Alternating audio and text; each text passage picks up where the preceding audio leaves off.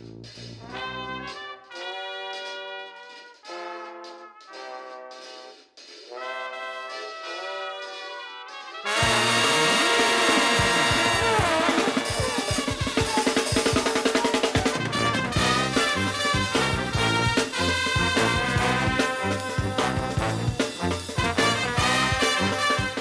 a chroeso i benod 86 o Sbeidio Heilo gyda fi Llwyd Owen a fi Lee Jones lle byddwn ni'n rhoi sylw i'r pethau bach sy'n gwneud gwahaniaeth mawr i ni yn ystod y cyfnod hollol honco hwn.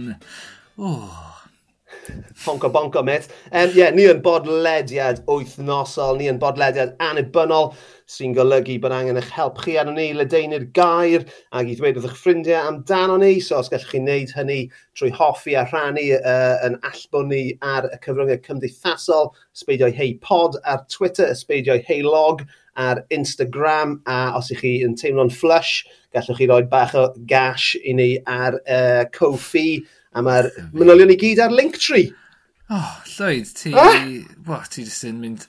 Sut trwy pob dim, dyn ni'n ni ar dan heno me, yn ystod oh, y benod yma. Fi eisiau cyrraedd y gwesta i fod yn onest. Ti'n gwybod, ti'n excited lan. A, felly, cen amdani, pwy sydd ar y benod yma?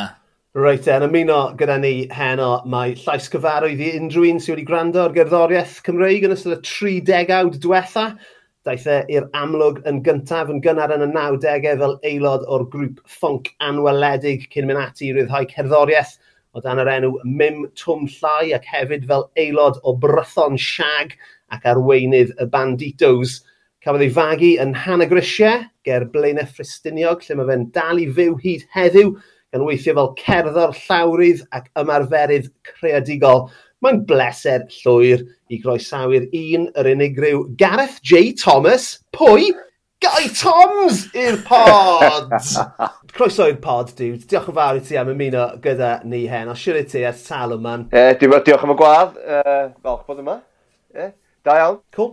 Mae'r ma estal iawn, iawn uh, llwyd fi'n gwybod, wel na, na lle fi eisiau dechrau hefyd gau, achos y tro cyntaf i ni groesi llwybrau. Pa ma'n hyn, pa ma'n hyn oedden ni? Ydych chi eisiau betio pa ma'n hyn o'n i? I reckon, I reckon o ti yn chwech oed amser nath fi a gau cwrdd yn gilydd. fi oedd e'n, Fi'n mynd i ddweud taw 1994 oedd e, guys. Yw hwnna'n taro tant? Mae hynna yn taro tant, ie. Um, cyfnod, ie. Yeah pan oedd acid jazz yn, yn ei anteb, oh, falle, ie? Yeah, absolutely. absolutely. So o ti, fel fi wedi gweud yn yr intro fanna, o ti mewn um, band funk hir hoedlog, um, nath fynd mlaen am nifer o flynyddoedd, tra o'n ni mewn band funk nath losgi yn, mo, yn llachar am chwech mis a wedyn diflannu o, oddi ar y blaned. Ond, achos bod ni'n chwarae mo, arddull reit debyg. O'n i, on i, on i ar nifer o bills gyda'n gilydd. Um, a, ti'n mo, fi'n meddwl, oedd na, oedd na gysylltiad rhwngddo chi anweledig a fi a fy ffrindiau yn Superfuzz, achos, let's face it, o'n i gyd yn absolute idiot yn fy hoffi cyffuriau a cwrw. Ie, yeah. a, a, a hanner pei hanner pei wrth gwrs man. Wel, ti'n mo, be, cyn, cyn bod ni'n galw'n hunan yn Superfuzz, hanner, yr hanner arall o'n i'n mynd i alw'n hunan. Na, ce. Yeah, no, achos o'n i'n obsessed gyda hanner pei, o'n nhw'n o'n nhw o glan taf, o'n nhw'n chwarae ffunk, a o'n i, ac o'n nhw, o'n chi'n gallu gweud, o'n nhw'n sexy. Yeah, Superfuzz efo'r un drymiwr, ger, ie? Oedd? Ie, Geraint Francis. Yeah, a fo... Drummer amazing. Fo oedd y pen campwr uh, bush jumper, ti'n cofio? Ie. Yeah. Ti'n gallu cofio, y dau beth sy'n sefyll allan yw... O'n i yn... yn um, y rhyngol yn Aberystwyth yn 1994, fi'n yeah. meddwl. O'ch chi'n... O'ch chi'n ail ar y bil i... Dim datblygu. Gorkis? Um, diffiniad. Diffiniad. Diffiniad oedd o. So, eithon nhw am fel funk, noson funky. Yeah. So, o'n ni arno gynta, wedyn chi, a wedyn diffiniad yn cael noson. Ond, yn, yn, yn ystod set anweledig a diffiniad, wnaethon ni golli'n penen llwyr ar fel madarch. A wedyn, y beth nesaf fi'n cofio yw bush surfing gyda anweledig a superfuzz. A hefyd, gyrru rownd y maes parcio gyda boes ar ben y ceir. Wow! Ti'n cofio hynny? Falle, falle bod chi wedi mynd erbyn hynny, falle bod chi, o'ch chi'n gallach na ni, falle. Swn i fel yna y ti wedi mynd erbyn hynny, Llwyd. Fi'n gallu cofio Geraint Francis, ein drymiwr, yn gyrru rown gyda cwbl o boes ar ben i gare. Ond dwi'n meddwl, oedd yr enw anweledig i, i, i i wneud synwyr yn noson yna. Dwi'n gwybod sy'n effaith y madarch. Ta be, ond ar ôl y gig, oedden ni'n mynd lawr i Aberystwyth yn chwilio am rhywle i aros. Ond pawb oedden ni'n basio ar y stryd yn gofyn am gyfeiriadau i gwahanol lefydd. Ond neb, oedd pawb yn anwybyddu ni. a dda bod ni ddim yno, bod ni'n anweledig. Ti'n Brilliant, brilliant. Ti'n gweld lle nethon ni? Dyna di ystyr enw'r band. Ti'n gweld lle gysgo ni'r nos yn yna? Fi'n gallu cofio'n iawn. Nethon ni gysgu o dan ein ceir. go iawn, go iawn. Fucking sa'n gwybod pam na gen i yn ein ceir, ond o'n i'n gysgu o dan yng nghar. Sa ti'n ei goheddiw? Um, na. dim o gobl. Dim o gobl. Um, Bys ni'n gorfod... Yeah, I mean, ti'n ma, be, be, be ni'n ni gorfod cofio nôl yn dyfa yw... Ti'n ma, o'n i'n... Ti'n fel o'n i'n gweud, nath anweledig fynd mlaen i gael gyrfa go iawn. Wel, o'n i fyna... O'n i'n gyrfa go iawn. Ond ie. O'n i'n 17 oed, uh, fi a fy ffrindiau yn Superfuzz, a gethon ni yr haf gorau ein bywydau na beth gyda ni yeah. amser ni yn Superfund. Nethon ni chwarae yn yr Ysteddfod, nethon ni chwarae ryngol, nethon ni chwarae nifer o weithiau yn Clwb Ifor, unwaith gyda chi, fi'n gallu cofio, un o'r gigs gorau nethon ni. Gethon ni just, oedd e just, oedd e just yn briliant. Ie, yeah. bod mewn band ynddo, yn yr oed yna. Mae just yn magic. E, oedd e'r peth gorau nes i. Yeah. I mean, I peaked, I peaked at 17. Yeah, yeah. Uh, a, a ti'n gwybod be, mae ma gen i blant nawr sydd yn ei harddegau, e, a dwi'n gweithio nhw, wel, pryd chi'n dechrau band? Pan, pryd chi'n gorfod dechrau band? Chi'n mynd, mae ma fe un henau, mae'r henau mynd mewn i'r chweched, a fi fel, wel, chi'n gorfod dechrau band? Dyna beth chi'n neud yn y chweched, chi'n dechrau band? Yeah. E. Wyt ti a'ch ffrindiau eisiau, ti'n modd, bach o fadarch? Dwi'n mynd i sgwrt o sgolion. Achos, e, hello, plant. Lle gallai gael? Dwi'n mynd chwarae drymiau o'n sgwer.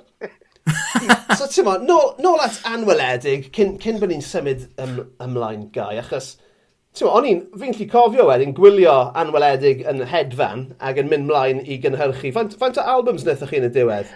Um, da, dau album, ond uh, nathon ni lot o ryw EPs uh, yn y canol EPs, hefyd. Yeah. Um, ie, rhyw 4-5 EP. Ond ie, dau album. Dau album, llon llaw o EPs. A, a fi'n lli cofio, bob tro oedd na an, un anweledig newydd, o'n i just mor llawn cenfigen. Cos o'n i fel, fuck man, gallai hwnna di bod yn ni. Ond on, hefyd, on, be, be o'n i'n clywed chi, twa, a lot o bandiau eraill oedd yn neud funk neu acid jazz ar y pryd. Ond i ddeud... Albert Hoffman? Ie, yeah. oh, wow, Albert Amazing. Hoffman. Yeah. Amazing. So, ac o'n i reit gen fi gennis o'r safon, yr er, er, cerddorion, atha, oedden ni, ta, o'r ardal chwareddol, chwareddol, chwar, dwi'n beth chi'n deud i gair yna, chwarel yddol, uh, yn y mynyddoedd, heb cael addysg cerddorol, so oedden ni jyst yn gwneud o fyny fel o'n i'n ymlaen, a, a, a lle oeddech chi yn swnio fel cerddorion go iawn. Ie. O'n i ddim. O'n i methu hyn o'r chwarae fy bass gitar. Oedd Tom Raybould, y gitarydd sydd yn, ti'n virtuoso, oedd e'n dysgu'r llunellau bas i fi yn llythrenol, oedd e'r eista fi lawr, ac yn mynd, dyma be fi'n chwarae, dyma be ti'n chwarae. Ac o'n i jyst yn dysgu nhw, o'n i methu byrfyfyrio mewn unrhyw ffordd, o dim gen i unrhyw dalent, ond... Dwi'n cofio, waw, mae o'n basis da, dwi'n cofio hynny. Yeah. O'n i ddim, o'n i'n fucking rubbish, ond o'n i'n ed, edrych yn ffantastig. Ie, ond yeah. oes, ah, fel ti'n dweud, just yr, er, er, yr mwynhad na o ar rhydd, yeah. rhyddid ynde, o teithio Cymru a dod ar draws pobol a gwyliau a chwarae trwy PA systems mawr a, mm. a, a just lot, lot fawr o hwyl. Um, Dwi'n meddwl dyna pam nath ni ddyfal parhau sydd ni'n licio'r hwyl. So pryd, pryd, dath, pryd dath y band i ben? Fi'n gwybod wnaethoch chi ddod nôl at eich gilydd yn 2018, ond wnaethoch chi fath o dod â pethau i bend Do, o, 2010, 2012? 2006, 7. O, 2010 um, hynny. Nath o'n i logi studio yn rachub ger Bethesda, yeah. uh, Studio Sam, Studio 1. Um, a trio cyfansoddi stwff newydd, ond oeddwn ni'n just mynd i'r pub a uh, mynd am dro. Uh, Mae yna bwll nofio, nofio yn y studio, ond ni'n nofio. A creu dim byd, ti'n fa? A wedyn ni'n teimlo, boys, beth da ni'n neud, ti'n fa? Uh, hmm, yeah. Nath, nathon ni rioed dweud, yda ni, um, to, da ni'n gorffen y band.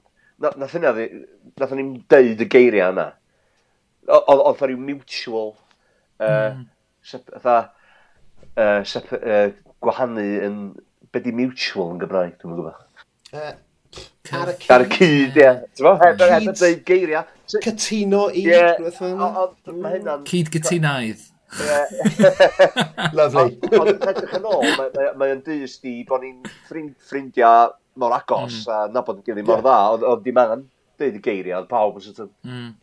gwybod bod o ddim cweith yn be da ni eisiau gwneud bellach, ti'n Ond am ddim un bersonol, gyda i ddigon o outlets eraill uh, cerddorol, felly... Twa, ie, yeah. ond dyfaru dim, twa, efo anweledig, just fantastic, ie. Yeah. Mae'r ma footage o'ch gig, fath o, o'ch comeback gig chi yn uh, sesiwn fawr hefyd yn werth ei weld, yn dyfa? Ti'n gwybod, Eli? Ti'n edrych bod ti di embarrass o'n fanna, Gai? Ie, cos yn y flwyddyn, nath ni nôl, nath ni... Uh, gig car gwyllt yn Stiniog, ac hwnna'n stomping, ti'n bo? A, yn gerddorol, a hwyl, y crawl, y dor. Lle ni sesiwn fawr yn gocynnaid i gyd, oedd y drymiwr wedi bod am cwpl o pints efo rhyw ffrind o gair dydd, yn dogella. So, oedd ni'n chydig bach yn coci. Yeah. a oedd ni ar lwyfan, a gerddorol, dim mor dda. Hwyl. Ath i off. Ath i off yn dolgellau yn oson yna, fi'n gwybod ni. Ie. Ond hwyl... Dwi'n meddwl, y mwyaf um, chwil dwi wedi bod wrth chwarae, wrth perfformio, o'n i yng Nghaeredin ag um, oedd, wel, oedden ni just rhwng y soundcheck a, a chwarae, nes i colli'r bandiau i gyd achos o'na fflat fyny i'r grisiau lle oedd ni'n chwarae, lle oedd pawb yn anos, Ag um, oedd, uh, chymod, oedd just pob dim oedd ni angen yna ac uh, oedden ni just i yfed ag yfed. Wedyn pan dyn ni'n dod lawr i chwarae, mae pawb yn y dorf, dydd y dorf ddim yn anferth, ond oedd pawb yna just yn pasio boteli o buckfast o gwmpas rhwng ei gilydd. Um, a wedyn, dyn ni'n gorffen chwarae, a wedyn, dyn ni cael oncl, obviously, achos oedd pawb, oedd pawb yn waith na fi, a wedyn dechrau chwarae'r gân yn yr oncl, a o'n i, on i ddim yn gwybod sut i chwarae fy gitar bas. O'n i'n... O'n i'n edrych ar bawb arall yn y band wrth iddyn nhw dechrau performio'r gan yma ac o'n i jyst yn edrych arnyn nhw ac yn meddwl be dwi'n gwneud, Tmod, sut ydw i'n dwi'n dwi gwythio lawr ar y llunynau yma? Sut ydy... be, gyda fy mysedd o doedd gen i ddim syniad be o'n i'n gwneud. Uh, yeah. felly dwi'n siŵr os, os ydych chi ddim o'r wael ag hynny ydych chi'n ffain falle. Ie, Yeah, mae hwnna'n ma atgoffa fi o'r, or, um, ffilm ddogfen am Oasis. Mae'n rhaid bod ddau na chi wedi gweld y ffilm ddogfen am Oasis, um, lle maen nhw'n mynd i America, a maen nhw i gyd, a maen nhw'n mynd i America, maen nhw'n treol torri America ar ôl i album cynta nhw a maen nhw'n cyrraedd America, a fel anweledig yn y sesiwn fawr, maen nhw'n coci iawn, right? maen nhw'n meddwl bod nhw'n nhw'r boys, right? Ond maen nhw eisiau, maen nhw eisiau cocaine, ond yr unig beth mae ma pwy bynnag sydd wedi mynd i edrych yn gallu ffeindio yw meth.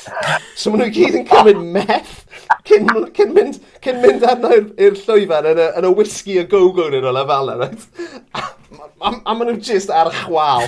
Mae pawb yn chwarae nodau gwahanol. Mae pawb yn chwarae ar twa, gwahanol rhythms a gwahanol speeds. A dyna'r gig lle mae Noel yn gadael y band. Mae fe jyst yn cerdded off y, y, y llwyfan a mae fe'n gadael. Ond ie, yeah, oh, os nag ych chi wedi gweld yna, mae'n ffucking hilarious. Dwi'n meddwl bod e... Dwi'n meddwl bod e... Dwi'n meddwl bod e... Na, na, dwi, dwi ddim yn fan o Oasis, gai. Dwi ddim yn fan, ond mae hwn yn werth i weld. Mae ffilm, dogfen, lli. Spinal Tap-esque, man. Mae'n briliant. Os da ni'n sôn am 94, mae tu ar o adeg yna oedd Oasis yn Yeah. Cychwyn yeah, chi, chi di'r yeah, oedran ideal am Oasis. Wel, na, dwi'n meddwl, oedden ni, dwi'n meddwl, mewn i'r... Be oedd o'n acid jazz? Pam oedd acid jazz? O'n i'n Mor fi, fi dal yn caru acid jazz hyd heddiw. Yeah.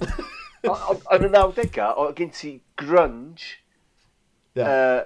Uh, ond y rock, dod, big hair rock yn dod i ben. Ie, oedd gyda ti... Oedd ti grunge yn dod mewn, ond hefyd oedd gen ti acid jazz a indie music. Oedd o gyd yn rhyw lobsgows o, o, o arddullia. Ac oedd gen ti rhaglen ar y teledu, yr enw Chart Show, ti'n cofio hwnna? ITV yeah. Chart Show. Oedd e gen ti'r indie chart a'r metal chart. Oedd ffantastig. So, dwi'n meddwl, athyn ni drwy lot o gyfnodau yn yna, wel, yn yr adeg yna, o y gwahanol arddulliau a gwrando ar gwahanol gerddoriaeth a anweledig yeah. methu ffeindio y sŵn uh, tan mm. falla'n hwyr yn y 90au lle nath ni ddarganfod mwy o sort of reggae vibe, uh, rock vibe, ti'n yeah. um, Wel, dyna'r peth, ti'n fi, fi wedi gwrando ar lot o anweledig dros y blynydde, a ti'n chi chi'n chi real cybolfa o, yeah. o ddylanwadau, ynddi chi, o ran arddulliau gwahanol, achos mae'na ma, ti'n ma na, ffunk yn flaen llawn, fel ti'n gweud, reggae a dub, ond hefyd rock, right? Yeah. A ti'n ma, mae'na ma riffs, yn does, ti'n ma? Oedden ni'n gwrando lot o'r um, Osric Tentacles. Ti wedi gweld Osric O, mate, dwi'n ffucking caru oh. Osric Tentacles, hyd heddiw. Oedd Al, Al Rhys. Oedd Al Rhys rili mewn i drum and bass. T'mo, Um, Bydd enw'r Ie. artist drum and bass na? Ronnie Size. Ronnie Size? Mm. Oh, o, amazing. Yeah. So oedd Al, Al Rhys yn licio ni... Ar y bass. A wedyn, Osric Tentacle, oedden nhw'n efo fatha riffs, gitar, rock, ond efo oh, sort of synth, arpeggios, mm, a hollol o flaen i amser, de. Um, yeah. Os a, os a... Neu bys ti falle'n galw'n sai trans. Yeah. Um, yeah. Fel, fel hip, hippie electronica. Ie, yeah, ie, yeah, oedd o'n ffwpin. A, a dr ond efo drums go iawn, ynddo. Drum, a, drum, a, a hefyd dylanwad amlwg o stwff fel Pink yeah. Floyd a Steve Hillage yeah. yn y mix. Yeah. I mean, maen nhw'n briliant. Yeah. Maen nhw'n anhygol o dda. Brand X, a bethau fel that. Uh, Weather reports. Love it. So, Efe ti, efe ti oedd yr... Er, um, fath o'r driving force tu ôl i anweledig. Uh, um, o'r, or grŵp, um, I mean, mae Rhys y bass, bassist yn mynd mlaen, oedd e yn Sibrydion yn doedd, mm. gyda'r brodyr Gwynedd, a um, Kerry Currington a ti di mynd mlaen i, i, i wneud brython siag gyda'ch gilydd, ie, yeah, a So pwy, pwy oedd yn gyrru pethau yn y band yna? Wel, uh, rhaid ti ofyn i gweddill yr uh, hogia. Ond... Yeah, well, okay, so on, ti oedd e. Ond, o be dwi'n gofio, dwi o'n i hyd yn mynd i'r jam efo syniad, to, o'n i'n yeah. jamio yn y lloft yn, yn y tŷ, neu di cyfansoddi ar keyboard mam. Digwydd bod, mae gennau keyboard mam reit ymlaen i fan hyn. Ond, o'n i'n cyfansoddi pethau fel... Um, yn defnyddio y stael ytha um, y drums a pethau. Ytha hwn mae'n yn fusion style. Gwrando ar hwn. Ac efo a single finger thing. So, Clywed hwnna? So, os ti'n gwybod am can uh, anweledig, Afro Calchwyn, yeah, Lime Green Afro. Awful name. o, o fanna mae wedi dod, ti'n Guys,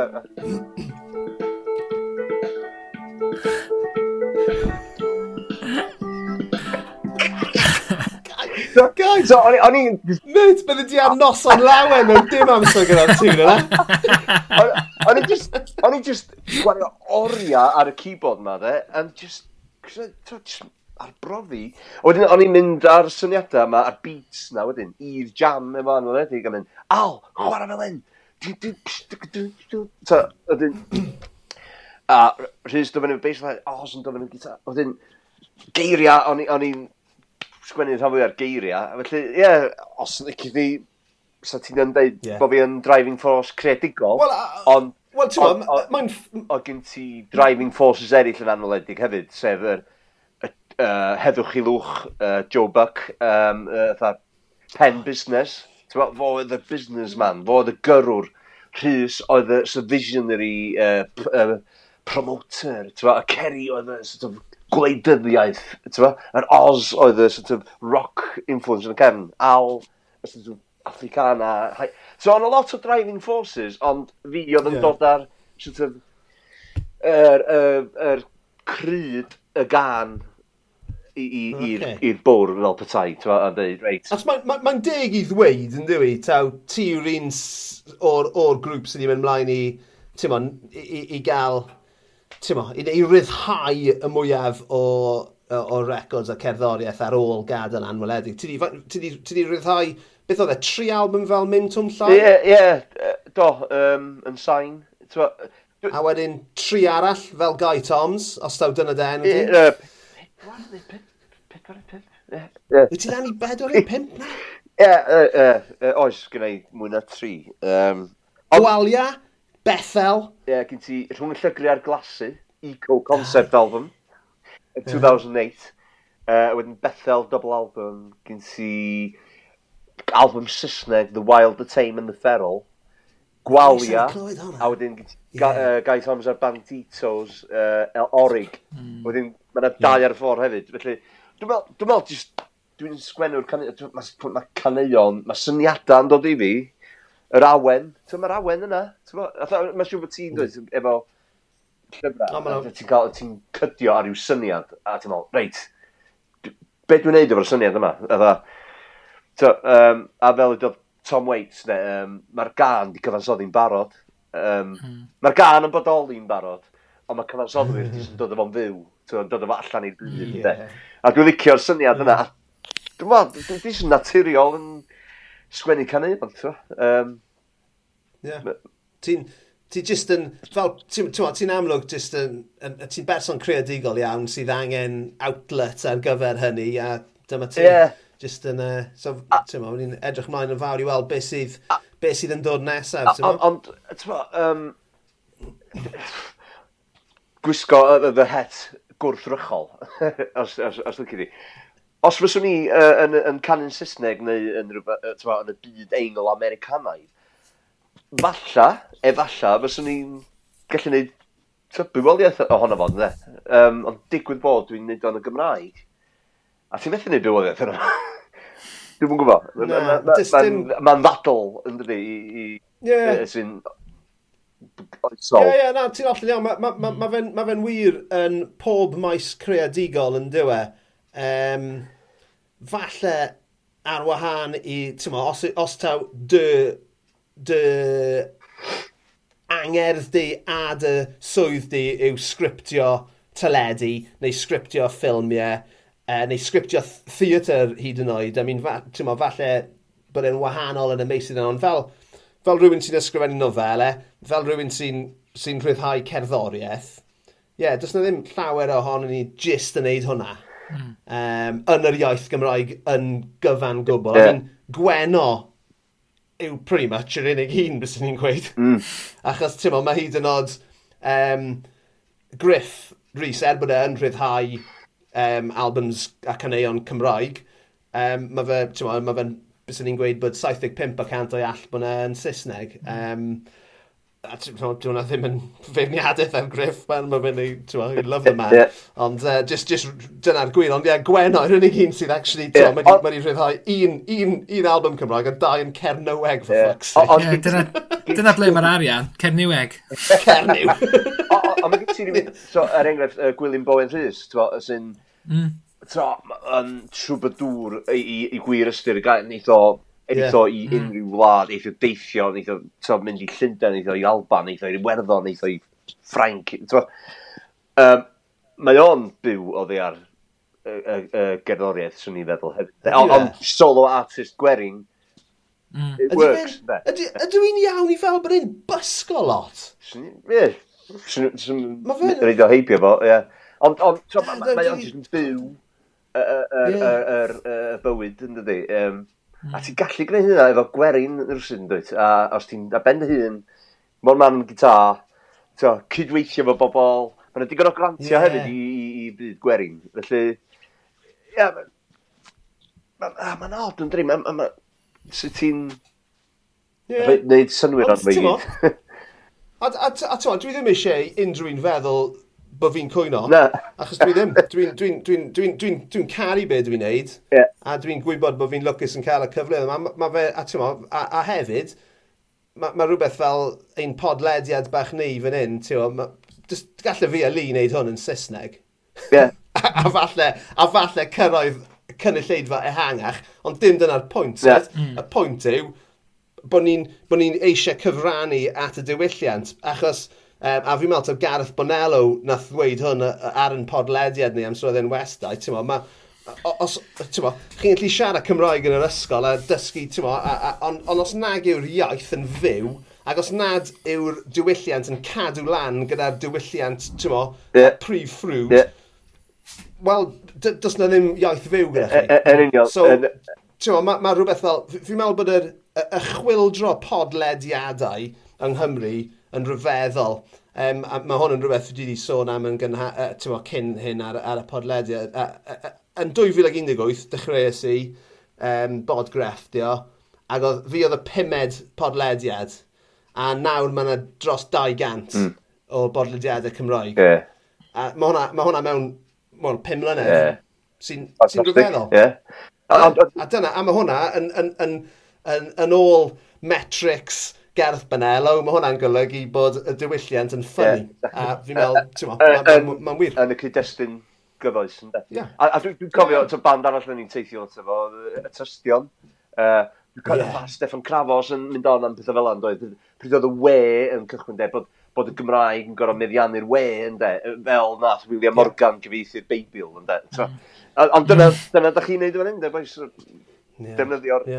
Just fel William Morgan. Ein William podcast, Morgan. Ti yw Willy a fi yw Morgan.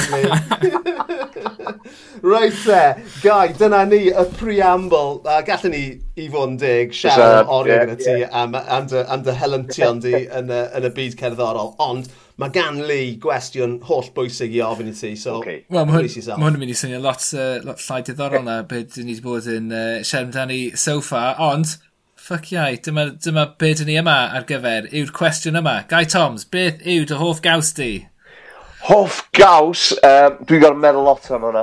Uh, pan eis i, i Bermo efo'r wraig, gathon ni fwyd mewn caffi. Ac be oedd o, oedd um, kip, kippers, herring di kippers, a'r hmm. dost, e-, efo salad ar y tost, Yeah. Kippers, ond o da, rhwng y salad a'r kippers, beetroot a caws gafr. Mm. Wow! Mm. What a combination. Yeah. Triwch o. Triwch so, y kippers a'r caws gafr oedd oh. yw'r cyfuniad. So, so, falle, yn hoff gaws i caws gafr. Waw. Felly... Hwna, hwn, yeah. Mae hwn yn, ma hwn yn gyntaf ar y podlediad, so neb wedi dewis caws gafr mewn, no, no. mewn 50 penod gyda mm. gwesteion. Neb wedi dewis caws gafr. Ond efo'r cyfuniad o'r mm, kippers yn helpu, ie. So, ond mae bob caws efo nodweddion i hyn yn dydi. So, ti parmesan mm. efo bwyd eidaleg a... Yeah. Cheddar. Ie, yeah, na. Mae fe'n Mae fe, y, y, un o'r bwydydd mwyaf hyblyg ag ystwyth gewch chi. Ond fi'n meddwl gyda caws gafar, caws gafar yw'r unig gaws sydd yn blasu fel bys yn ni'n dychmygu bod bol sac gafar yn, uh, yn blasu. Ti'n gwybod beth fi'n meddwl? Achos sa'n meddwl bod Lee di blasu yeah. caws gafr, oes i? Wel, Dwi wedi cael, dwi wedi cael, dwi wedi cael cleftico a wedi, ti'n modd, cael ambell i frwsyn sydd wedi okay. croesi fy nhafod i. Mae'n eitha, dwi'n mae'n eitha hallt, bron yn citrusy. Mae ma fe'n, um, mae fe'n earthy yn dweud. Yeah. Mae fe'n ma fe'n, ma fe'n blasu. Ar y gwead, y y texture yn... Mae'n feddal, ond mae'n digon solid. Mae fe'n lidiog rhyw ffordd yn dywe. A dwi'n dwi, dwi, dwi hoffi fe, ond on mae yna flas. Yeah. Mae fe'n blasu fel y tir lle mae'r afar yn cachu. a a, a, a, a mae yna fel rhyw membrane iddo fo hefyd yn does? Ond on, dwi, dwi yn licio bri hefyd, ynddo? Um, Caws ffrengig bri. Mm. Ond dwi'n cofio nes i drio bri unwa, uh, uh, unwaith gen i'w ffrind yn coleg. A cofio mynd i'r siop i brynu fo, a mynd i, mynd i'r deli counter, a gofio, uh, do you have any brai? Shot for Brian. Brai, uh, brai cheese. Mm. Yeah, uh, lle o ti yn y, yn y coleg? Lle, lle o ti'n neud hwn? Aberystwyth. Achos... O'n Aberystwyth? Yeah. So ti yn fel ti'n tywa, yn Llundain yn rola, bys yna ni bod yn ffain. Ie. Ronnie Bry. know exactly what you mean, yes. Yes, I do. So, ti'n caru kippers gyda dy gaws gafer. Yeah. Tywa, be bys ti'n cael gyda dy fri? Um, rhywbeth melus. Mm. Um, Swn i'n mynd mor bell a jam. Um, mm. Neu... Ond dwi'n... Ie, yeah, Eh, pickle yn gweith yn mynd efo bryd ydy. Um, Beth sy'n be sy mynd yn wych gyda, gyda popeth, gyda bron pob caws yw sweet chili jam. Mm. Os ti'n hoffi yeah. bach o... Yeah. Mae ma fe'n ma fe just yn mynd gyda popeth. I love it. Ond yn adolyg, dwi wedi licio spread o caws, crackers. Uh, oh. yeah. Oh, a fi fyd. Oh, a fi fyd. Oce. Okay. Dilyn mlaen, o'r cwestiwn am gaws. Sawl cheese grater sydd gyda ti yn y tŷ ymlaen y ffestiniog? Nath fy ngwraig etifeddu cheese grater gen i nain. Ie. yeah. Family heirloom. Ie. Yeah. A gollas i mam 2020 a nes i etifeddu yr un cheese grater. Union yr un model. Yeah. Dwi'n mynd gen i ddau. Brilliant. Un bob un. So, so chi, ei, chi beth yn dadle dros i... Yna'r unig beth chi ddim yn dadle dros. Dadle am bopeth arall. Dim problem. So, efe, gallai just checo, efe'r classic cheese grater peder ochr yeah, yn siarad peder ochr efo yeah. handle gwyn ar top. Yeah. Yeah. Mm. Yeah. Lovely, yeah. Mae gyda, fi'n meddwl bod pretty much gyda pawb, hyd yn oed gyda lun o'r un i ti, eh, fi'n meddwl, does? Dwi'n byth yn defnyddio'r er, er, ochr man, y tylla man. Na, Cos yeah. ti'n cael beth yn mynd drwyddo fo. Na, mae hwnna ar gyfer uh, lemon rind, fi'n meddwl. Oh, yeah. Pan ti'n zesto. O, oh, so ti'n ti greitio caws efo hwnna? Parmesan. Falle bys ti'n gallu greitio parmesan falle arno fe? Neu un o'r rhai, neu Manchego, rhywbeth fel na, ond fi'n meddwl ta, zest yn yma, fi'n meddwl. Ah, God. Dyma ni. Dyma ni. Mae Guy Toms wedi dysgu rhywbeth heno. Dywylliant ar y podlediad. Ah, mate, ti'n ma, mae'n ddiben draw yn dyma, e, byd i siarad am ar y podlediad yma. So... Diolch, mwy o gaws. Yeah. Un cwestiwn arall dyn ni am fwyd i ti, Gai. Beth yw'r peth mwy o weird ti beth wedi bwyta? Welk. Wff, sa'i fynd yn siŵr beth yw welk? Bro, y malwen y môr. O oh, ie! Yeah. Um, okay, okay, fi'n mynd i gosod Google o llun i weld beth nhw'n edrych o. Dwi'n caru bwyd môr, ond Welks. O oh, ie, yeah. oce, okay, ie, yeah, dwi'n gwybod nawr. Ges i hyn um, mewn i'w pentre lan môr uh, wrth ymwyl Sierbwg. Oedden ni'n mynd yn ôl am y fferi o Llydaw, stopio ah. mewn i'w bentre lan y môr. A gathon ni, uh, to, uh, cymysgedd o fwyd môr. Ac nes i byth o popeth, ond y welc ma, mewn yn ei gragen. Mm. Oh, Dwi'n mwyn gweld, caled ac yn mal, malwanog. so, Mae nhw'n an... Mae nhw'n eitha, ma eitha fawr hefyd, yn dyn nhw? Dwi'n yeah. fel, ti'n bod... Ie, mae fa... Ie, Dwi'n ddim fel cockles neu... Ie, yeah, cockles, muscles, yeah. being uh, lobster, octopus, squid, neu fyta rhywbeth. Mm. Ond welk? Yeah. Na, neu fyta... I mean, fel ti'n gweud, malwod enw i, reit? Malwod enw yna. Ie. Yeah. A ti beth wedi bwyta l'escargot uh, yn Ffranc? Oui, oui, uh, l'escargot. Uh, très bien. Oui. Ie, wel, ma' nhw'n... Ma' nhw'n... Nes i, nes i fwyta malwod yeah. blwyddyn diwethaf am sôn i fyna. Ac o'n i'n meddwl bod nhw eto... Siarad am y y, y blas y tir yma sydd ar gaws gafer. Yeah. Fi'n meddwl bod na rhywbeth tebyg am y malwod. Yeah. Maen nhw fel, fel pro, ond nhw'n atgoffa fi... Pro yn y ddeiar. O ran y texture, fel pro yn y ddeiar, ie. Yeah. Na'r ffordd bys ni'n disgrifio nhw. Nes i'n really mwynhau nhw. Uh, ond oedd yn Hayley yn meddwl bod nhw'n edrych yn afiach, a, ond nes i bwyta llon plated ond nhw. Be di prawn yn, Ffrangeg? Oh. oh Gorgi gymchia. Jambon de la terre. jambon de la terre. De la mer. oh, de la mer, de la mer. Oh, mit. So, yeah, dyna ni. Welks. I mean, yeah, maen nhw'n edrych yn afiach i fod. Don't do Welks. Ond, uh, dyna ni. Reit. Uh, so, i unrhyw un sydd byth wedi gwrando ar ein podledyn ni o'r blaen, uh, y pwynt ar rheswm i ni yma yw i glywed beth sydd yn neud ein gwestau Guy Toms yn hapus. So beth yw'r peth cynta ti eisiau cyflwyno i ni? Um, Dwi'n edrych beth i prawn yn Ffrangau. Cre crevet. Crevet de la terre. Malmoden. Anyway. Um, beth sy'n yeah, neud yn hapus? Dwi'n cwestiwn eto? Beth sy'n neud yn hapus? Beth yw'r peth cynta? Fi'n gwybod beth ti wedi meddwl am ddau beth. Um, Uh, cliché, ond...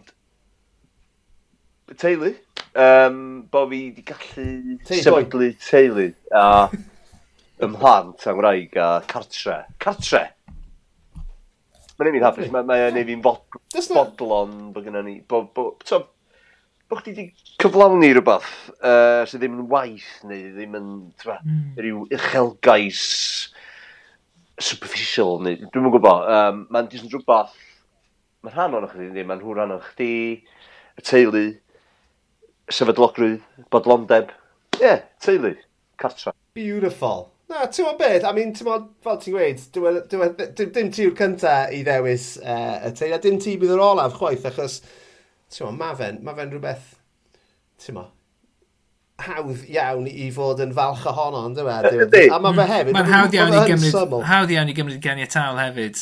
Heb os na, on i bai. Cos allan dychmygu fi mewn sefyllfa gwahanol ar y funud. Ytha, ta? Mm. Cos dwi'n hapus yn y sefyllfa yma, felly. Yeah, yeah. Mae'n ma i fi hapus, felly. OK, so um, fi eisiau gwybod nawr, uh, siwt nes ti gwrdd y Dybraig? Mae'n ma, ma, ma stori reit, actually. Uh, Good, ie. Yeah. Ban gobeithio fel arfer. Bangor. uh, Dachle da. Maes parcio rhyngol, pawb ar mushrooms. yeah, o, a ben can. O Sara, yn y grych yn ola, byddwn ni'n neidio. Ond, ie, yeah, Bangor, um, Railway Club Bangor, ys ti rioed i fanna? Do, glei, do. Do. Um, gigs da fan'na. Uh... Gethon ni um, barti nadolig gwyllt iawn fan'na un blwyddyn. A uh, ie, yeah, wnaethon nhw alw'r heddlu. Ac, Dyna pam yn well ni. Ond do'n i ddim i fod i, i chwarae yn y gig ma uh, yn um, right. y Railway Club. Ond gyda MC Mabon yn headline, ia. Lush. Ond gen ti band yeah. o'r de yr rwla o'r enw Dogzuki. Da chi wedi gweld Dogzuki? Oh, sa'n lli gofio. Na, enw'n canu clwch. O'n i'n byw efo Aled Ifan, y boi oedd yn trefnu'r gig yn Bryn Teg yn Mangor. Ond oedd Dogzuki ddim troi, troi fyny i'r gig. So oedden nhw angen rhywun i gefnogi MC Mabon. O'n i'n byw faled, yn y gaig yn i'r gig. Ie, yeah, cool, acoustic gig, cefnogi MC Mabon. Gret, ffantastig. Ond fel rhan o'r repertoire ar y pryd, o'n i'n neud cyfer o Manu Chao. Um, yeah. uh, hey Bobby Mali. Yeah, yeah. Doing something good. Clandestino, off album yna, falle? Yeah. Hey Bobby Mali. Oh, no, mae'n dwi'n hitio single finger thing. O, oh, ni'n cael mewn welediad i'r ffordd mae gael yn gweithio fan hyn. 38. Ie, yeah, reggae, iawn. So, mae hwn tempo. Heb Bobby, Marley Sing something good to me So this world gone crazy It's a catastrophe. Dyn, um, o'n i'n chwarae hwnna. Bit racist. Automatic end. Drum fill. Um, so o'n i'n chwarae hwnna ar y gitar. Ond pwynt tu allan oedd criw o ferched uh, ffrindiau Sara. Oedden nhw rhwng dau feddwl o fynd i'r Octagon, clwb nos, neu mewn i'r Railway Club i weld MC Mabon. So oedden nhw, oedden nhw fel un. Um, ac nath nhw droi rownd i benderfynu mynd i'r octagon. Tyfa? Ond nath Sara oh, clywed, clywed fi yn canu man o chaw. A dweud, na, ah. traed i ni mynd i fan hyn, traed i ni... So, oedden nhw'n gyd mewn i'r Bailey Club. The rest is history. Nath a Sara am hynny. Oedd hi ddim, oedd hi ddim yn siomedig taw dim man o chaw oedd yn... Achos, ti'n Gyda'r gyda, gyda impression yna ti'n neud fyna, I mean, rhywbeth. o, dyn dod i ato fi ar ôl uh, MC Mabon. Ti'n licio Mana Chow? Dwi'n licio Mana Chow hefyd. Wow! Wedyn, ie, yeah. nathon ni symud, nathon ni weld yn gilydd eto. A symud i fyw efo'n gilydd i rachub yn, um, na, i Gerlan yn Bethesda. Byw fan o'n am flwyddyn a prynu tŷ yn Stiniog. Um, o'n eisiau bod agosach i mam ar y pryd, felly dyna un o'r rhesymau symud yn ôl i Stiniog. Felly, um... Wyt ti, ti'n tymo, oedd hwnna yn rhan o, oedd hwnna, ti'n mo, o ti'n gweud bod ti eisiau bod yn agosach at y rieni, achos mae ma lot ohono ni yn symud i ffwrdd o ble bynnag ni wedi cael yn magu, reit? Ond fel homing pigeons, ni'n dod nôl. Ie. Yeah. I mean, mae Lee, mae Lee, ma Lee, I mean, I mean, I suppose mae ma, ma dy bartner dili. Mae hi wedi dod nôl, ie. Mae hi, chi, chi'n byw yn Newcastle achos mae rhieni hi a'i teulu ah, hi yn byw yn Newcastle. Yeah. Yeah. Mae hi'n dod. So, ond on, so, yeah, on, on mam, uh, efo uh, Clicamala, felly, a ni callu'n ha, felly treswm fod na gosach o ran helpu mam fod yn mm. mwy abol, ti'n um, yeah. Dyna oedd y rheswm i symud yn ôl. So mam ddim yn anabol, falle fyswn nhw heb. Falle fyswn i'n dal yn byw yn Bethesda. Dwi'n yn gwybod. Yeah. Falle swn i'n byw yn Newcastle. Dwi'n yn gwybod. Un o ble yw dy roed i de? Capel Cyrig. Reit, oce. Okay. So, yeah. okay. Ond mae'n mham i o Bonsiad Fendigaid. Mm. A mae thad hi o Wigan. Wow, yeah. hanner ffordd rhwng y ddau yw Capel Cyrig. As the crow flies. Yeah. um, na, mae'n... Ma, ma, yeah mae o'n be bron yn 20 mlynedd ers i ni gyfarfod. Wow. wow. Yes. Yeah, a pa mor agos wyt ti ti'n ti, ti, ti dal yn byw yn yr ardal. O'n i'n meddwl ti'n mynd i ofyn pa mor agos o'i ti a dy rai. Ar ôl i gymlynedd, ar ôl i gymlynedd, dim, dim yn rhy agos, i fod yn honest. Mae gen ni, mae gen ni separate cheese graters a popeth. Ond pa mor agos wyt ti heno i lle ges di dy fagu? Hanner milltir. Hanner milltir, yeah. Achos dwi, dwi, dwi, dwi hefyd wedi, ti'n bod, wedi troi, I mean, fi'n fi eistedd yn fy ystafell wely amser o'n i'n blentyn wow. fan hyn. Mae fe'n swyddfa fy nhad i yw e nawr, ond a, a dwi'n byw, ie, yeah, milltir i ffwrdd o lle ges i'n magu hefyd. So mae yna ma rhyw... Mae yna rhyw ref. Oes, ie. A, a, a, dim, a ti'n mo, nes i, nes i fynd i ben draw'r byd, nes i fynd i Australia yn y flwyddyn 2000 gyda'r bwriad o, a, o, o, o symud yna, yn barhaol. Ond nath e gymryd mynd i ben draw'r byd i fi i sylweddoli taw'r unig le fi'n gallu byw yw Ie, Caerdydd. O'n i efo rhyw deimlad tebyg hefyd. A diolch bwys faint o weithiau dwi'n am dro i'r un un llefydd, mae ma, yeah. ma o'n ysbrydoli fi, dwi'n dwi, dwi meddwl am mm. syniadau newydd, er mod i yn yr un un lle. Mae'r ma, ma, ma awyr yn newid, yeah. mae'r ma, ma gola yn newid, mae'r mm. ma, ma tir yn newid, mae'n ma just... Dwi'n. I mean, ti'n ti byw, ti'n gwybod, dwi'n dwi byw yn suburbia yng Nghaerdydd, a dwi dal yn cael fy... Ti'n gwybod, mae ma, ma pethau'n tanio yna fi, ond fi'n fi meddwl bod e, mae ma, ma fe'n rhan ohono ni, reit?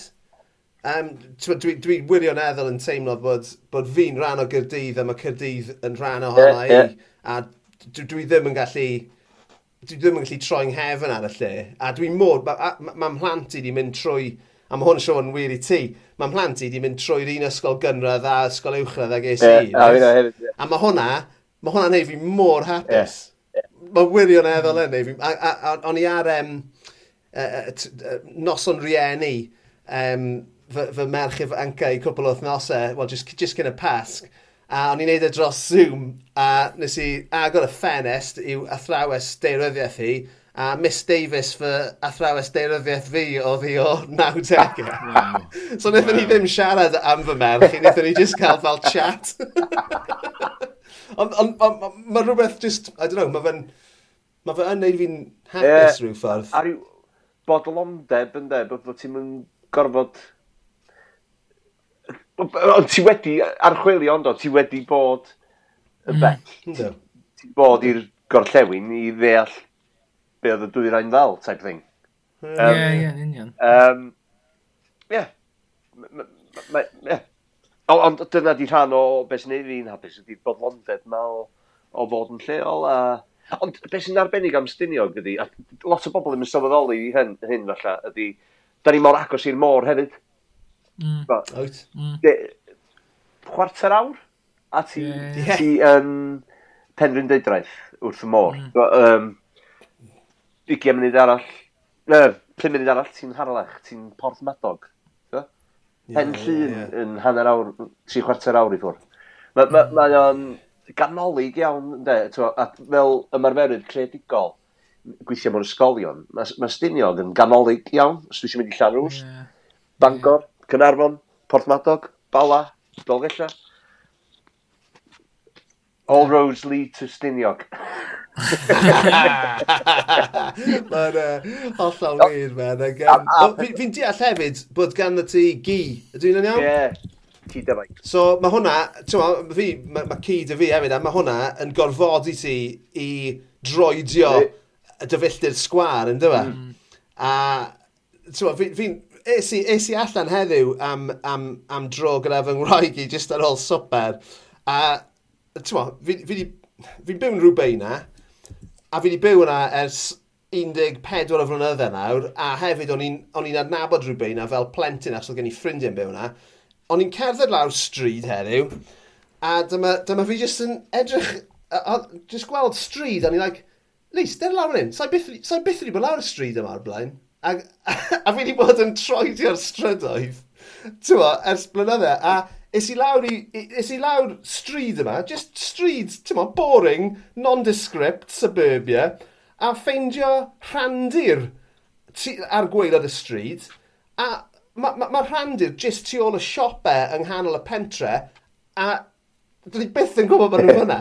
so mae hyd, hyd yn oed, ti'n ma, hyd yn oed like, 14 mlynedd mewn i fyw, oedd hwn, ti'n ma, chwarter milltir o fy hir. Yeah.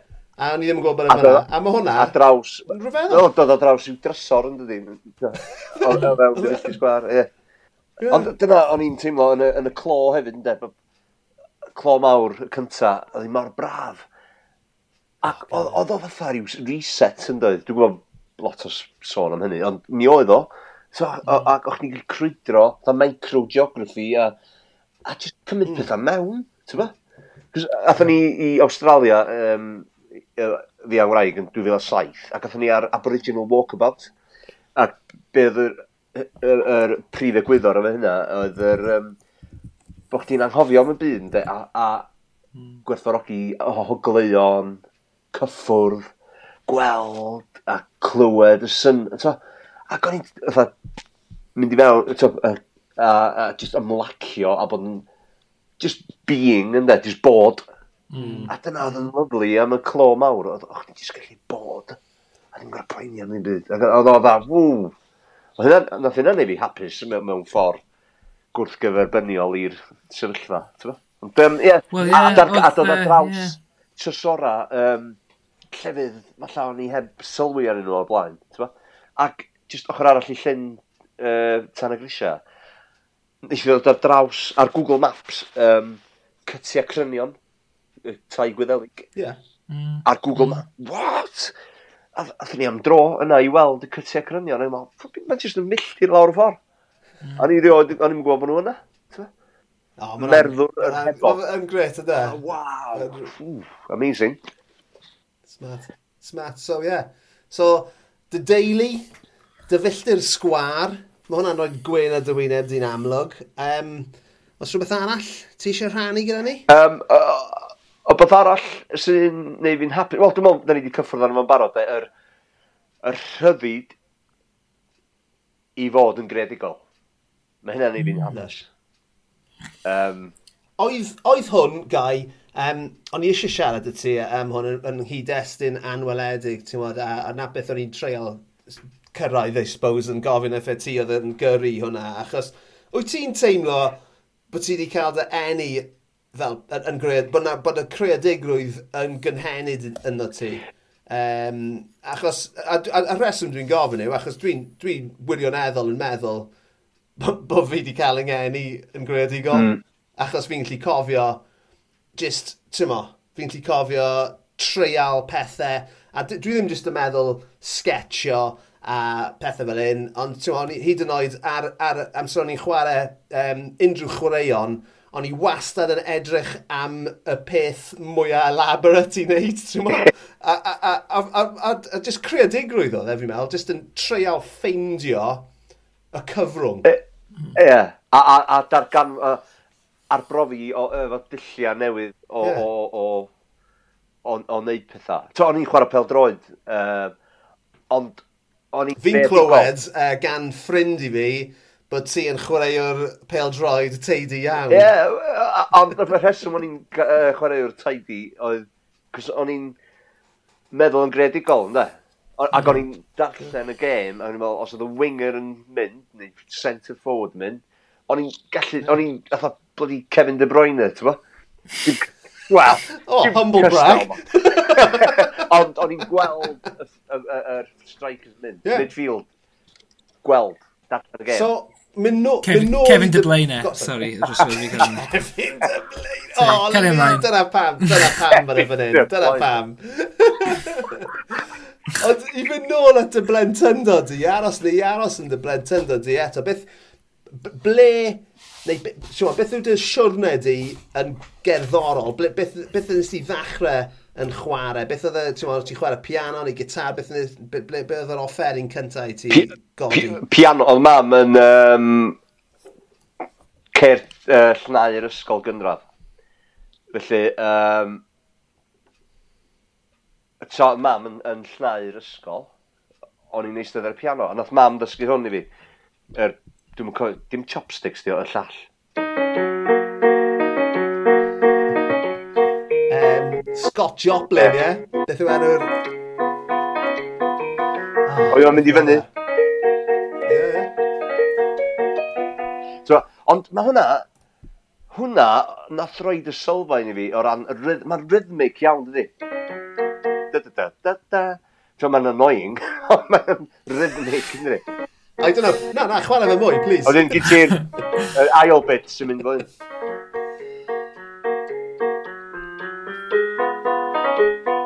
Ah! A wedyn mae'n gorffan. So, so, so mam yn mopio'r ysgol gynradd, o'n i'n chwarae beth fel hyn. A wedyn, o'ch chi'n darganfod, ti'n cod, so fydda, ti'n fydda. Do, O'n i'n darllen music, just just mynd efo clyw a beth yn gweithio, ynddo. Go iawn, so, so wyt ti'n darllen cerddoriaeth heddiw? Wyt ti'n gallu? Dwi, dwi, ers cychwyn dysgu gitar uh, a drymiau, dwi wedi dysgu'n hyn sydd wedi ddarllen music trwy dysgu plant sydd wedi yeah, chwarae yeah. offer yna. Cos mm. so, cos ti'n gorau paratoi'r gwaith yn dweud... Uh, yeah, ti'n gorau bod un cam o flaen plant. Dwi, dwi, sorry, plentyn, ond dwi'n dwi mwyn even gwybod beth mae hwn. Athro fi'n really shit, mam. Dwi wedi gorfod dysgu hyn sydd wedi darllen noda. So, dwi, dwi rwan yn gallu yeah, darllen yeah. noda, ti'n Ond dyna'r thing, os, os, os, os gen ti, ti'n rhyw wybodaeth anatod yn y ti am gerddoriaeth, a wedyn ti'n gorfod dysgu sut i ddysgu hwnna i blentyn, mae hwnna'n jyst torri e lawr ac yn ail ddysgu'r yeah. peth yn mwy ffurfiol i ti, ynddi fi? Yeah. A, ond dwi'n dwi meddwl bod fi'n gwneud y gwaith yn, yn reit dda oherwydd bod fi'n cysylltu efo'r ffordd mae'r plentyn yn, yn, yn, sort of meddwl. Mm. Mae pa, da ni gyd i bod yn blant, do, a, a, a o ran mwynhau, ynddo, ti eisiau mwynhau chwarae, does? Ti eisiau, ti eisiau mm. deall o yn dy ffordd di, yn dy fframwaith di o feddwl. Felly, yeah. dwi wedi bod yn fanna, felly dwi'n cysylltu efo'r plant fel i ddechrau cyn mynd at yr noda. Mm. Um, Mae'n anodd reid yma'n geiriau, ond mae'n ei synwyr. Yeah. Um, ond, ie, yeah, mae'n ddifur. Ond hefyd, dwi'n darllen nodiant drums hefyd. Mm. Lle, Dwi'n so, dyfaru peidio darllen nodiant drums. Pryd o'n i'n cyfnod anweledig. Ond, uh... So ie, yeah, mae'r ma, ma, rhyddid creadigol yma, wyt ti'n dan yn cael thrill o chwarae'n fyw? Ie, yeah, dwi'n chwarae'n fyw lot yn ddiweddar, um, cos dwi wedi gwneud problem clyw, dwi'n dwi, clywed yn iawn. So dwi'n gwisgo hearing aid, um, uh, so di'r hearing aid NHS diolch yn gallu handlo'r er frequencies a'r decibels. Oh, na. So mae popeth yn distorted. So dwi'n gorfod bethau unai tynnu'r hearing aid off i ffwrdd. A dwi just about yn gallu dilyn o, ti'n ba? Efo'r hyn i gyd ymlaen, dwi'n mwynhau y sŵn yn fyw. Yeah. Man, yeah, so dwi, dwi eisiau, mae na hearing aids proffesiynol i gael i gerddorion sy'n gallu handlo'r decibels a'r frequencies. So mm. dwi ar y case efo hynna ar y funud. Um, ond y cyfnod anweledig oedd o just, oh, just rocking out. Ti'n fantastic. Mim trwm Llai, wahanol, acoustic, fi oedd y frontman. Um, a rwan hefyd, to, gyda'i band reit dda hefo fi rwan hefyd, sy'n sy, sy, sort of, mwy eiddfed yn de, o ran gallu para'r ffyrna ac efo amps yn gallu gyrru. um, felly, ia, dwi yn mwynhau yr... Er, er, mae o wahanol. So, mae mwy trefnus, mae o'n dim mor wyllt, ond um, na, dwi dal i mwynhau o. A dwi'n edrych ymlaen i gigio'r albums newydd ma. Um, Wel, ti'n mo, mae ma, ma, ma, ma hon yn, yn, yn arwen ni yn, yn berffaith mewn i, ond just, just cyn bod ni'n mynd i sôn am dy gerddoriaeth newydd di uh, sy'n ar y gweill, mae ma gyda ti um, studio reit arbennig, yn does, lle ti'n gallu ti'n gallu ymarfer dy grefft, lle ti'n gallu recordio, lle ti'n gallu diflannu a just, ti'n mo, ymdoddi yn ddi, yn does, hefyd. Ie, yeah, um, cos o'n i o hyd efo'r uh, weledigaeth yma o gael space yn hun, um, ac mi o gen space yn hun yn y tŷ, a wedyn gatho ni blant. Felly, o'n i methu gwneud sŵn, so oedden nhw'n cael naps, oedden nhw'n dod mewn, eisiau chwarae ar y cyfrifiadur, etc. Felly oedd rhaid symud allan o'r tŷ. Oedd gennym ni'n outbuilding, so'n lle i wneud outbuilding really yma ar y munud. Um, so oedd rhaid chwilio am studio arall, felly oedd o'n gwneud pryn, uh, hirio office space o'r rwla neu rhyw studio, neu prynu rwla. A ddoth y festri Capel Bethel ar werth, uh, uh, sef festri'r capel o'n i ynddo fo pan o'n i'n blentyn. Um, felly, ie, yeah, ers 2010, dwi, dwi, dwi, ymgartrefu uh, studio spench yn, yn fanno. Um, dio, di o ddim yn hollol broffesiynol, di o ddim yn masnachol, ond mae'n jyst yn space i fi greu a neu sŵn, jamio, helpu bobl lleol hefyd, tro, os di artistiaid lleol eisiau recordio demo neu uh, rhywbeth fel la. Um, mae'n ffantastig. Um, Fyswn i'n licio wneud y lle i fyny, um, fel bod yna le i gysgu a felly, a Bo? Um, ond arian ac amser, cos mae'r adeilad yn anferth. Braidd y fal. um, ond, ie, yeah, mwynhau. So beth wyt ti wedi bod yn recordio fyna yn ddiweddar, Gai? O ti'n gweud, ti gweud yn y top, o gyda ti ddau album ar y ffordd? Oes. um, ond oherwydd problemau clyw a felly dwi, dwi, dwi di mynd i studio sain i wneud, right. i wneud rhythm tracks, sef drums, uh, bass, ar acoustic, uh, efo Aled uh, Hughes, Cowboys Sauce Blytynog. Oh, ie, uh, yeah. Peirianydd ffantastig. Ond ddim jyst peirianydd, mae o'n gerddor hefyd. So, mae ma, mae o'n dda, waw, perffaith o foi yn y studio. Um, felly, ie, yeah, um, mae'n ma, ma odd, cos nes i sgwennu album yn y clo, ti'n gweld. Uh, nes i golli mam yn y, yn y clo. Uh, 2020, mis Ebrill, actually, uh, 2020. Felly, yn ogystal fynd am dro yr uh, microgeography yma, nes i gloi'n hyn yn y studio yn aml hefyd, a just spydu be o'n i'n deimlo, ti'n ba? Un efo'r pandemig, a colli mam, a bla bla bla. Ond hefyd, pan ti'n colli rhywun, ti'n mynd yn ôl i ryw gyfnod yn dy blentyndod. O'n i yn anyway, ac o'n i'n mynd yn ôl i'r 80au, ti'n? I E.T, uh, Goonies, a uh, pethau fel la. Um, Spielberg, ynddo, ti'n fawr, fatha sci-fi, y pethau fel la. Ond gyda'n band i chwarae fo, so o'n i'n neud pob peth yn hun, ar ukulele, ond hefyd efo synths. So mae ma, ma, cymysgedd o synths ac ukulele atmospheric, efo geiriau eitha very Nick Cave type o yeah. um, arddull, ond gwahanol eto. Um, felly, mae'r album yna'n bodoli, Ond dio ddim allan eto. y filltir gron di enw hwnnw. Um, ond yn y broses, dwi wedi sgwennu album arall. Ydy hon yn, new, yn, yn, yn wahanol o ran arfer yeah. neu ti wedi stico gyda'r ukulele a synth? Uh, ac, ond be oedd yr album arall oedd ytha breakout yn de o'r clo. Yeah. Okay.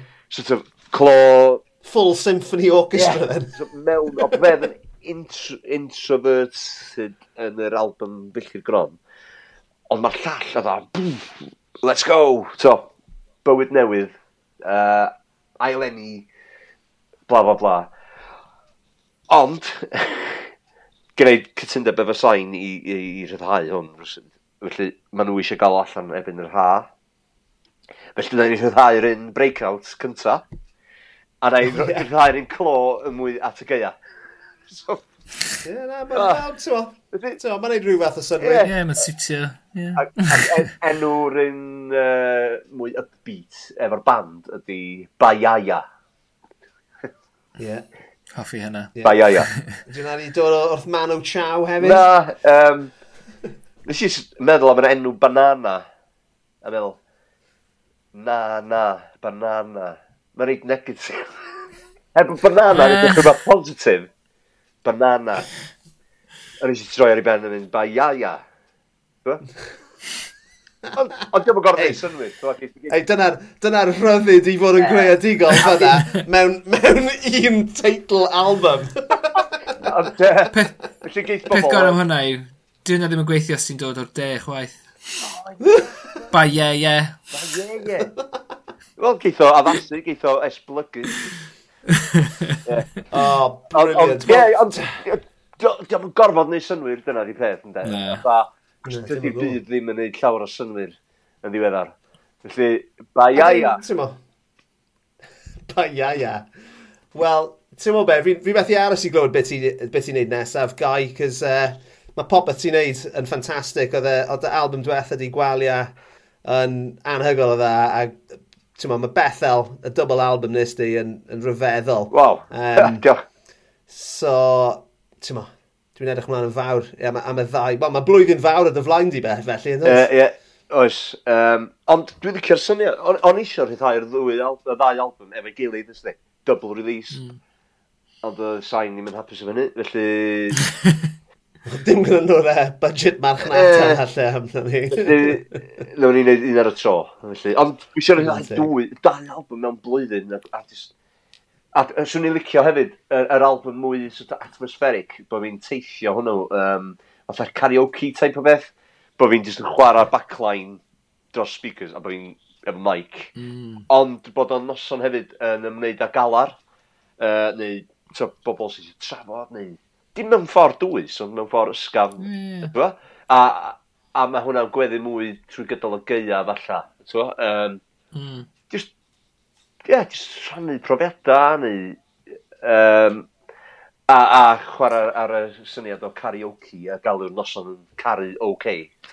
Falle sa hwnna'n e- enw'r album hefyd, dwi'n gwybod. Stop! Stop!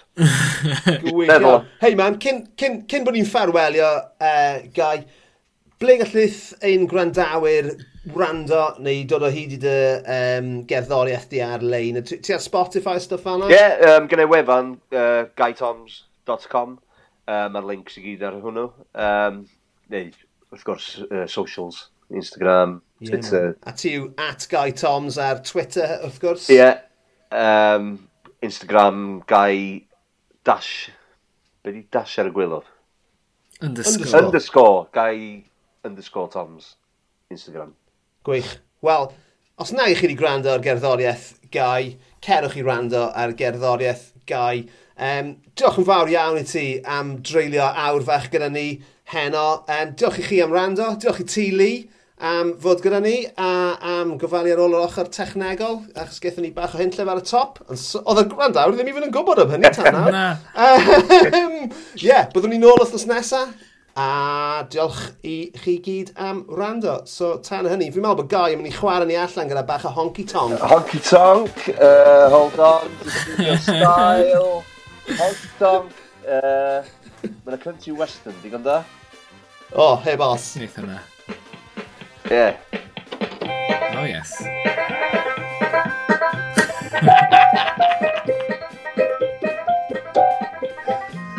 what a sneak sneak preview our album they're even in. uh, uh, hey, automatic finish, man.